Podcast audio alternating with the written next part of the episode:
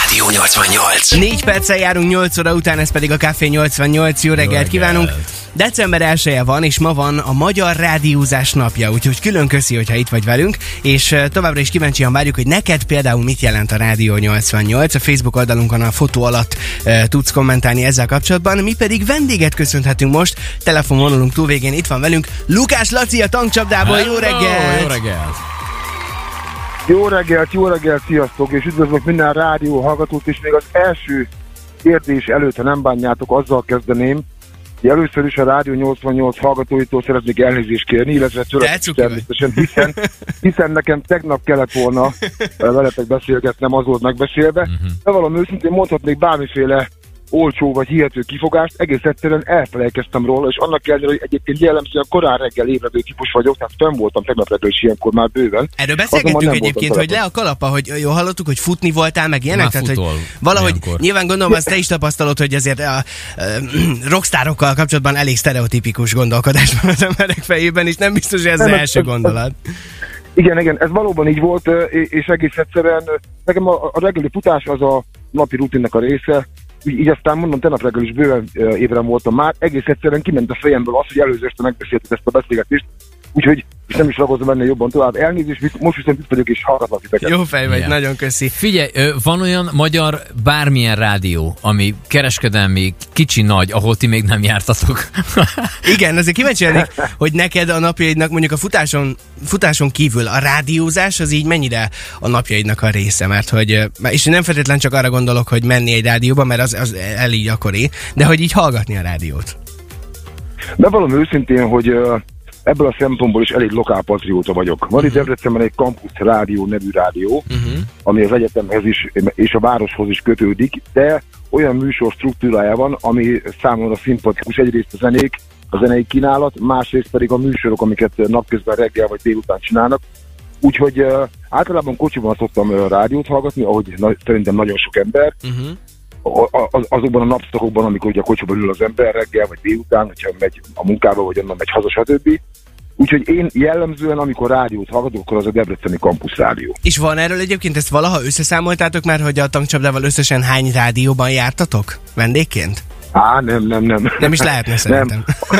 De mindenhol is. E- e- egyrészt, egyrészt másrészt, hogyha belegondolsz, hogy a zenekar 32 éve, és már 33. éve aktívan működik, ez alatt az idő alatt a- az országban rengeteg rádió volt, van, vagy lesz, volt egy csomó, ami megszűnt, volt egy csomó, ami összeolvadt, átalakult, más néven működik, mm. tehát hogy vannak, eg- vannak egészen pici rádiók, vagy voltak egészen pici helyi lokális rádiók, amik mondjuk nem tudom, egy téglás nevű kis település, ami Debrecen és Nyíregyháza között van, ott is volt régebben például a helyi kis rádió, szerintem már nincs, azt gondolom, úgyhogy igazából azért nem is uh, szoktunk ilyesmit számogatni, mert igazából okafogyott lenne. Na hát annak viszont külön örülünk, hogy most itt vagy velünk, mert hogy pénteken érkeztek Szegedre, és ugye a turnénak ráadásul ez lesz az első állomása az új turnénak. Hogyan, milyen, milyen lelkesedéssel tudtok most ennek nekivágni? Hát nyilván függvényében annak, hogy volt itt egy koronavírus járvány, ami gondolom azért titeket is elég komolyan érintett, már hogy koncertezés tekintetében. Igen, ez valóban így van, és te az előbb most úgy fogalmaztál, ha jól hallottam, hogy volt itt egy koronavírus járvány. Sajnos ez nem hát múlt időben. úgy értem, hogy Van, van. A, ko- a koncerteket nagyon sokáig, úgy értem, befolyásolta ez. Talán most reméljük, hogy, hogy ez mindenképpen összejön, a teljes turné. Erre gondoltam. Nagyon bízunk benne, igen, mi is. Ez a, ez a mostani turné, ami valóban pénteken kezdődik nálatok Szegeden, nincsenek szavak címre hallgat, nincsenek szavak turné 2021, ez egy 10 koncertes sorozat. Nagyon bízom benne én is természetesen, hogy mind a 10 bulit annak rendje és módja szerint meg is tudjuk csinálni. Uh-huh. A nyitó koncert, ahogy mondtam is, ez most pénteken, december 3-án lesz Szegeden az Ifjúsági Házban. Azért ez a címe a turnénak, ezen nincsenek szavak turné, azért ez a címe, mert van egy ilyen című dalunk, a legutóbbi lemezünknek a záródala, aminek éppen a mai napon jelenik meg a videoklipje, és erre a hangulatra, meg erre a tematikára fűztük fel a mostani koncertsorozatot. Sőt, ez nem is olyan sokára van, ugye én, én azt tudom, hogy 11-kor lát ez Így napvilágot. van, így van, ugye most ö, szűk, nem tudom, két és fél óra múlva körülbelül, vagy nem is tudom mennyi ez, de most pontosan. 88 Hát kb. perc van, igen. hát igen. A videoklipről tudsz nekünk valamit mondani? Az hol forgott, ö, mi történik Hogyne, benne? hogyne, hogyne. Azt, azt kell tudni, hogy ezen nincsenek szavak című szám, ez egy elég falsúlyos, elég, elég nehéz, ha úgy tetszik, szomorú témájú vagy hangulatú az elmúlást uh, körüljáró szövegű, meg zenéjű dal.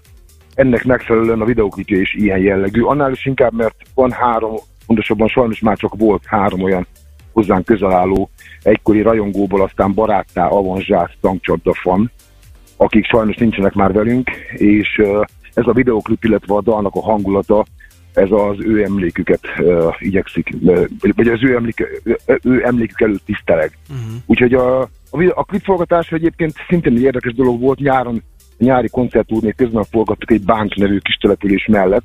Méghozzá éppen azért ott csináltuk ezt, mert uh, van egy uh, kilépő című uh, új magyar, mondjuk úgy, hogy uh, kis költségvetésű, tehát nem, nem, nem nagy volumenű, de egyébként nagyon jó mondjuk úgy művészfilm, és ennek a filmnek fontos része ennek a dalnak bizonyos zenei részei, és a mhm. rendezővel, százados Mikivel azt beszéltük meg, hogy kössük össze a klippet ezzel a filmmel, illetve a dalt, a dalon keresztül, úgyhogy ennek a bizonyos kilépő című filmnek a, a helyszínein, itt például itt a Bank nevű kis település melletti egy egykori elhagyott vasútállomás és környéke adja ennek a klipnek a helyszínét.